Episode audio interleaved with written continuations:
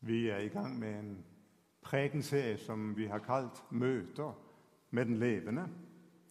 Og Tidsmessig så befinner vi oss fra oppstandelsen frem mot himmelfarten. Og I den perioden så møter Jesus på en spesiell måte sine venner, disiplene. Han vil gjøre dem klart for dem at han skal forlate dem. Han ønsker å gi dem et oppdrag i denne verden og så ønsker han også å fortelle hvordan deres relasjon til han skal være framover. Og Da har jeg en tekst her fra Johannes evangeliet, kapittel 21, som vi skal dele med hverandre. Johannes 21 fra vers 19. Da han hadde sagt dette, sa han til Peter, 'Følg meg.' Peter snudde seg og så disippelen som Jesus hadde kjær, fulgte etter. Det var han som hadde lent seg inn til Jesus ved måltidet og spurt, 'Herre, hvem er det som skal forråde deg?' Da Peter fikk se ham, sa han til Jesus, 'Herre, hva skal skje med ham?' Jesus svarte, 'Om jeg vil at han skal leve til jeg kommer.' Hva angår det deg, følg du meg.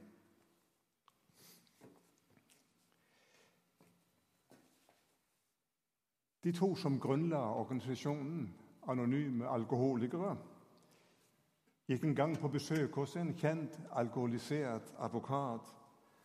Og Denne advokaten hadde droppet ut av åtte rehabiliteringsprogrammer i løpet av et halvt år. Nå var han kommet på sykehus, og han hadde hatt en liten batalje med et par sykepleiere, så nå var han fastspent til sengen. Og Der lå han da han fikk besøk, så han kunne ikke gjøre noe annet enn å høre på hva de hadde på hjertet. De fortalte om sin alkoholisme, de fortalte om veien ut av det, og de fortalte om sin tro på Jesus Kristus. Og Da troen ble nevnt, så begynte det rest hos denne mannen. Han var veldig trist og sier, 'Det er for sent for meg. Jeg tror fortsatt på Gud.' 'Men jeg vet så vel at Gud ikke lenger tror på meg.' Noen ganger kan vi ha den opplevelse at Gud ikke lenger har tillit til oss, ikke lenger tror på oss. Og Det er klart at denne følelsen kommer når vi mislykkes i livet. Og hva gjør vi da når vi mislykkes, andre mennesker mislykkes? Vi lever i en kultur hvor bruk og kast har blitt det normale. Det gjelder emballasje. Det gjelder forbruksgoder. Ingenting blir reparert lenger. I hvert fall nesten ingenting. Og Det samme gjelder i menneskelige relasjoner. Vi bruker. Og hvis tingene ikke kan brukes lenger, så kasserer vi og sender vi nye folk inn. Det gjelder i arbeidslivet, det kan gjelde i ekteskap, i relasjoner mennesker imellom, i politikk og i sportens verden. Og Jeg satt og skrev akkurat disse her linjene onsdag ettermiddag, så tenkte jeg ja, ja, ennå ingen trener i Eliteserien har blitt kastet denne våren. Litt senere på kvelden så kommer sportsnyhetene at nå har Sandefjord kastet sin trener etter seks kamper. Altså, vi bruker, og hvis ting ikke fungerer, mennesker ikke fungerer etter hensikten, så kasserer vi, og så henter vi nye inn. Og Det var jo nærliggende å tro at i Guds rik er det på samme måte. Og Allerede på side tre i denne boken så kan det virke som om prosjektet mennesket mislykkes. Gud skapte mennesket sitt bilde. Gud har tanker og planer. Gud ville så uendelig godt med det mennesket han hadde skapt. Men allerede på side tre så velger mennesket en annen vei. Og Da kunne den perfekte, hellige, rettferdige Gud med god grunn ha sagt jeg er ferdig med mennesket. Jeg skaper noe nytt som fungerer så mye bedre etter min hensikt. Men slik er Gud ikke. Fra det øyeblikket begynner hans plan for å føre mennesket tilbake til fellesskap med seg. Og det er det Bibelen handler om. Bibelen handler om hva Gud i sin kjærlighet har gjort for å redde oss, for å føre oss tilbake. Den Simon Peter som beskrives her i Johannes. Han hadde fått de mest fantastiske tre årene noen mennesker hadde opplevd. Og så feiler han likevel. Jesus hadde store planer for ham. Men når det virkelig gjelder, så mislykkes han og fornekter den frelse som kalte han. Og Jesus kunne ha tenkt ok, da får jeg satse på Johannes eller Jakob og Andreas. For de er til å stole på, men i hvert fall ikke Peter. Men nettopp denne Peter som mislykkes, kommer Jesus. Og så har de et intervju, en samtale, en eksamen, hvor det hele går på kjærlighet og ærlighet. Og til slutt så munner det ut i dette Følg meg, Peter. Følg meg. Jeg vil fortsatt bruke deg. Og Det er det som er så fantastisk når vi leser denne boken og leser mennesker som Gud ønsker å bruke, som Gud bruker. Så er det mennesker med feil og mangler. Mennesker som mislykkes. Men han den allmektige Gud og hans elskede sønn Jesus er ikke ferdig med mennesker som mislykkes. Det virker som om han på en spesiell måte har kjærlighet for dem, ønsker å bruke dem. Og det er noe med våre smertelige erfaringer. I siste instans kan de bli en ressurs i vår møte med mennesker av kjøtt og blod i den verden vi lever i. Våre svakheter lærer oss avhengighet av Gud. Jeg klarer meg uten Han. Vår svakheter gjør oss ydmyke. Svakheter oppmuntrer til fellesskap med andre som kjenner på det samme. Det gjør at vi kan føle med, at vi kan leve i. Så hos Gud er det ikke bruk og kast. Tvert imot. Der hvor vi feiler kommer han på en spesiell måte og reiser oss opp. Derfor Følg meg, Peter. Jeg er ikke ferdig med deg. Du kjenner din svakhet. Du vet jeg kjenner den. Derfor kommer jeg igjen og sier, 'Følg meg'. Om du sitter her i formiddag og kjenner at du har prøvd og prøvd han kommer igjen. Også til ditt liv og sier, 'Følg meg'. Jeg ønsker fortsatt å ha noe med deg å gjøre. Jeg ønsker fortsatt å bruke deg. Det er evangeliet. Enkelt. Etter at Jesus har fornyet kallet til Peter, virker det som om han reiser seg, og Peter følger etter. For i samme øyeblikk så reiser Johannes seg og blir med. Og Peter snur seg litt rundt og ser skal han med, han òg. Og så kommer spørsmålet hvordan skal det gå med han? Motivet til spørsmålet Peter stiller, det vet vi ingenting om. Det kan være ganske vanlig nysgjerrighet. Og Det er så mye vi kan være nysgjerrige på. Det kan være litt sjalusi. Det kan være litt misunnelse. En kjent forkynner sa en gang at på gravsteinene til halvparten av predikantene kan det stå 'død av misunnelse'. Det var vel litt voldsomt sagt, men uh, vi kjenner jo på litt forskjellige følelser mellom oss, vi som ønsker å tjene. Og uh, Noen ganger føler vi at det går vel, vel bra for han eller vel bra for henne. Vi vet i hvert fall at blant disiplene var det en form for rivalisering på vei mot Jerusalem kort før påsken.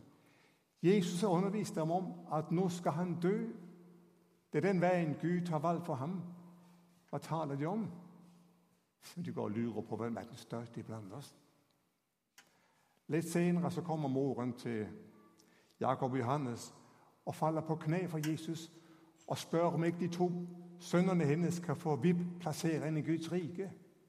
Høyre og venstre side. Til og med deres gamle må kunne bruke i rivaliseringen. Vi vet ikke hva som ligger bak Peters spørsmål. Men han får kontant svar tilbake fra Jesus. Hva angår det deg? Pass dine egne saker, Peter.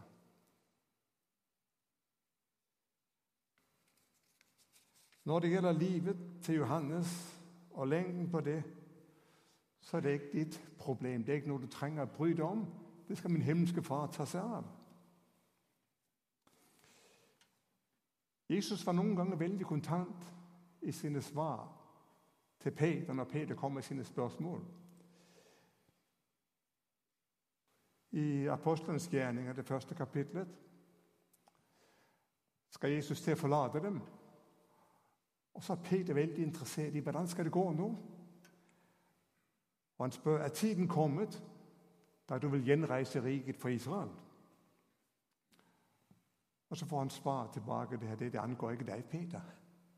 Det du skal være fokusert på, det er å gå ut og være et vitne. Følg du meg og del din tro med andre, så skal Gud ta seg av når Guds rike skal komme. Peter, det som hører Gud til, la ham ta ansvar for det. Men du, Peder, ta ansvar for ditt liv. Et annet eksempel på noe av det samme det er når Jesus kommer til Betania. Han begynner å undervise om Guds rike, og Martha finner plass ved føttene hans. Maria, unnskyld. Så kommer Martha inn. Hun har strevd, hun har lagt til med mat til alle disse folk som kommer inn. Og så sitter søsteren der. Gjør ingenting som helst. Sitter bare og lytter. Og så prøver hun å få Jesus på sin side, Sånn kan jeg redde til Maria. Og da er det Jesus sier til henne Du gjør deg strev og uro med mange ting. Maria har valgt den gode delen. Ett er nødvendig. Og det Jesus griper tak i, det er ikke Marias tjeneste. For den var det bruk for. Den satte han pris på. Men den griper tak i det at hun prøver å blande seg inn i prioriteringene til Maria. Maria har valgt. Det er Marias valg, det er Marias prioritering. Og ikke bland deg opp i hva hun velger her i livet. Hva angår det deg, Martha? Og Vi har så lett for å blande oss opp i både Guds valg og andre menneskers valg. For det er så lett å spore av i det Gud vil med oss. I Galaterne 6,4 der står det enhver skal bære sin egen bør eller egen byrde. Du har ansvar for ditt liv, din tjeneste, dine valg.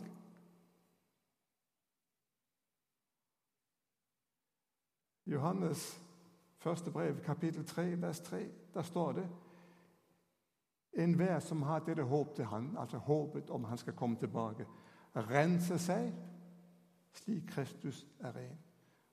Og Det Johannes vil si til de som fikk brevet, ta ansvar for ditt eget liv. Vi har så travelt for å blande oss inn i hva andre mennesker gjør. Å leve rent for Gud, det er ditt eget ansvar. Rens deg selv. Sørg for at ditt forhold til Gud er i orden. Bland deg ikke så mye i andre menneskers liv. I første omgang feil for din egen dør hva angår det deg. Det er så lett å spore av. Det er så lett å fokusere på ting som kan være viktige, som kan være så interessante. Det er så mye interessant i denne her boken. Jeg skulle ønske jeg visste så mye mer om det. Men det viktigste det er følg du meg. Fokuser på det. Det er så rikelig å gjøre når det gjelder å følge ham. Og for første gang i sitt kall til en disippel så sier Jesus 'Følg du meg'. Ellers var det bare 'følg meg'.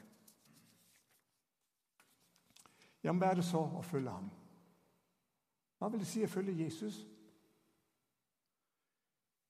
Ja, Vi kan gå tilbake til det første kallet, da han kalte apostlene. Markus evangeliet kapittel 13. Han kalte til seg dem han ville, og de kom til ham. Han pekte ut tolv, som han kalte apostler, for at de skulle være sammen med ham. For at de skulle være sammen med ham. Når Jesus sier til et menneske 'følg meg', eller 'følg du meg' litt mer personlig, så er det et kall til å være sammen med Jesus som det primære. Vi tenker i første omgang på alt vi skal gjøre, alt vi skal være for ham, alt vi skal være for ham andre. Men det primære kallet i første omgang å være sammen med ham. Og Edin Løvaas har en utrolig flott definisjon på en disippel. En disippel er et menneske med en sterk personlig tilknytning til Jesus Kristus. En disippel er et menneske med en sterk personlig tilknytning til Jesus Kristus. Og Paulus sier at vår første kall det er kall til fellesskap med Jesus Kristus. Altså De var kalt til å leve sin liv sammen med ham. Så delte han sine tanker, sine følelser, sin vilje. Han levde åpent. De opplevde var som en drivkraft i hans liv. De fikk lov å oppleve hans syn på livet, fikk lov å oppleve hans verdier. De vandret med ham langs sjøen. De vandret opp på fjellet, var i den vakre naturen. Han pekte på blomstene og fikk lov å fortelle hvor fantastisk omsorg Gud har for hele skaperverket. Han brukte fuglene som eksempel. Han åpnet deres øyne for verden omkring. Det var ikke noe snevert, som vi ofte gjør det til å følge ham, men et rikt, rikt liv med glede over alt det gode Gud har skapt. Han viste dem hvor stor verdi det enkle mennesket hadde. Barna løftet han opp. Kvinnene brukte han som de første vitner om oppstandelsen. Fremmede tok han inn i sin favn. Følg meg. Se hva jeg prioriterer. Se hvilket liv jeg kaller dere til.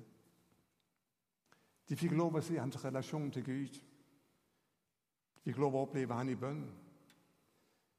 Disse vanlige mennesker fra Galilea er noen av de mest privilegerte mennesker som har vært i denne verden. De fikk lov å se hva livet egentlig er. Og det fellesskap, det gjorde noe med dem. Det gjorde noe med dem på innsiden. Han gjorde dem til. Han gjorde dem til menneskefiskere. Han gjorde dem til så mye. Og samtidig med at fellesskapet i seg selv forvandlet, så ga han dem forbilder. Den siste kvelden så vasker han disiplenes føtter, og så sier han, 'Jeg har gitt dere et forbilde'. På et tidligere tidspunkt så sa han, 'Lær av meg, for jeg er ydmyk av hjertet'. Hans påvirkning var så sterkt at trangen til å etterligne ham og ligne ham den ble sterkere og sterkere.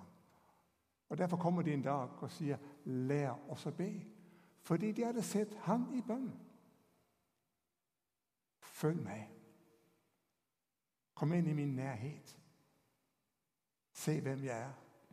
Se hva jeg lever for. Se hva jeg ånder for. Og det kommer til å gjøre et inntrykk på dere. En amerikansk forkynner, Calvin Ratz, har sagt en student lærer det læreren vet, men en disippel blir det mesteren er.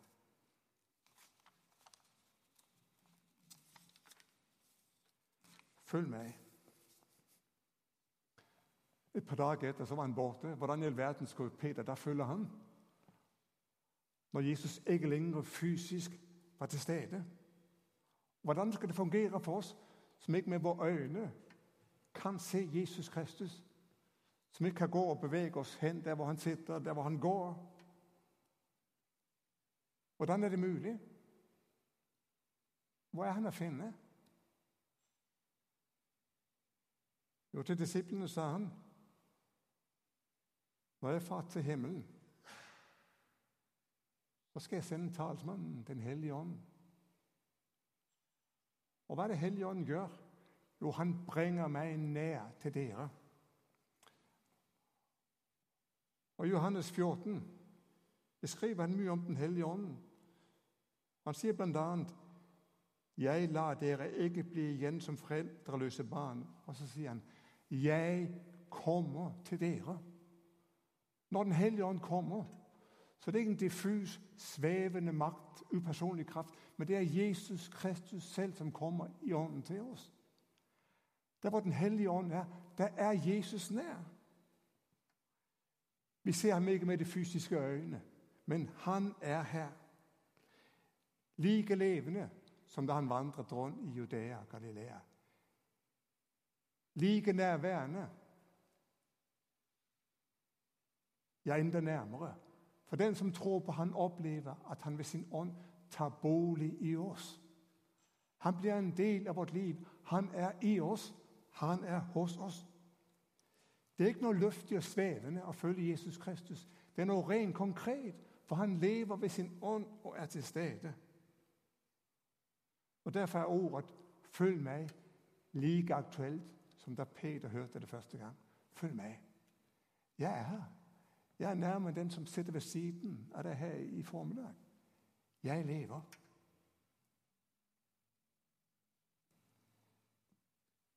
Ja, hvordan kan jeg oppleve å være hos ham? Jeg kan gjøre det ved å åpne min bibel. Og så leser jeg om han som var. Jeg leser om hvordan han møter mennesker. Og så sier Bibelen han er den samme i dag. Som han møter mennesker i datidens Israel, så møter han mennesker i dag på akkurat samme måte. Han har ikke forandret seg. Det er den samme Jesus Kristus, usynlig, men akkurat den samme. Hva sa han til mennesker? Hva gjorde han med mennesker?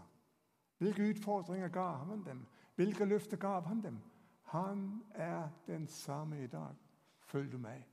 Kom inn og vær i min nærhet. Åpne Bibelen. Lev deg inn i dens verden. Gjennom bønn. Bønn det er ikke bare å be om forskjellige ting. Det er ikke bare å levere en ønskeliste. Men det er å åpne seg for ham og si 'Jesus, her er jeg'. Så kan du få lov å dele ditt liv med ham, og han deler sitt liv med deg. Bønn er primært fellesskap med Jesus. Og gjennom bønnen opplever du at han på mange forskjellige måter kan komme og være nær. Og Denne kommunikasjonen kan du ha dagen lang. En enkel setning, 'Herre Jesus, nå trenger jeg din hjelp.' 'Herre, hjelp meg å elske det mennesket.' 'Herre, gi meg ditt råd.' Takk at du er nær. Du kan oppleve Herren ved å delta i gudstjenestefellesskapet. Han er til stede iblant oss. Du kan oppleve å følge ham inn i en tjeneste og tjene ham. Du lærer noe om deg selv, du lærer noe av ham. Du lærer noe ved å praktisere de ting han har gitt oss. Ved å gi av deg selv, ved å være sjenerøs. Følg meg. Følg meg. Og så vil du oppleve at ved å følge ham, så opplever du en forandring, en forvandling i livet. Andre Korinterbrev, kapittel 2 Ta det en gang til, for det var feil. Andre Korinterbrev, kapittel 3, vers 18. Og alle ser vi med utildekket ansikt Herrens herlighet som i et speil og blir forvandlet til samme bilde, fra herlighet til herlighet. Dette skjer ved Herrens ånd. Et speil. Vi har vel speil, alle har vi ikke det? Noen bruker lang tid, andre bruker mindre tid, og noen farer bare forbi. Vi bruker det til å speile oss selv, og til å glede oss eller til det motsatte til å prøve å forandre til det bedre. Men speil det kjenner vi alle til.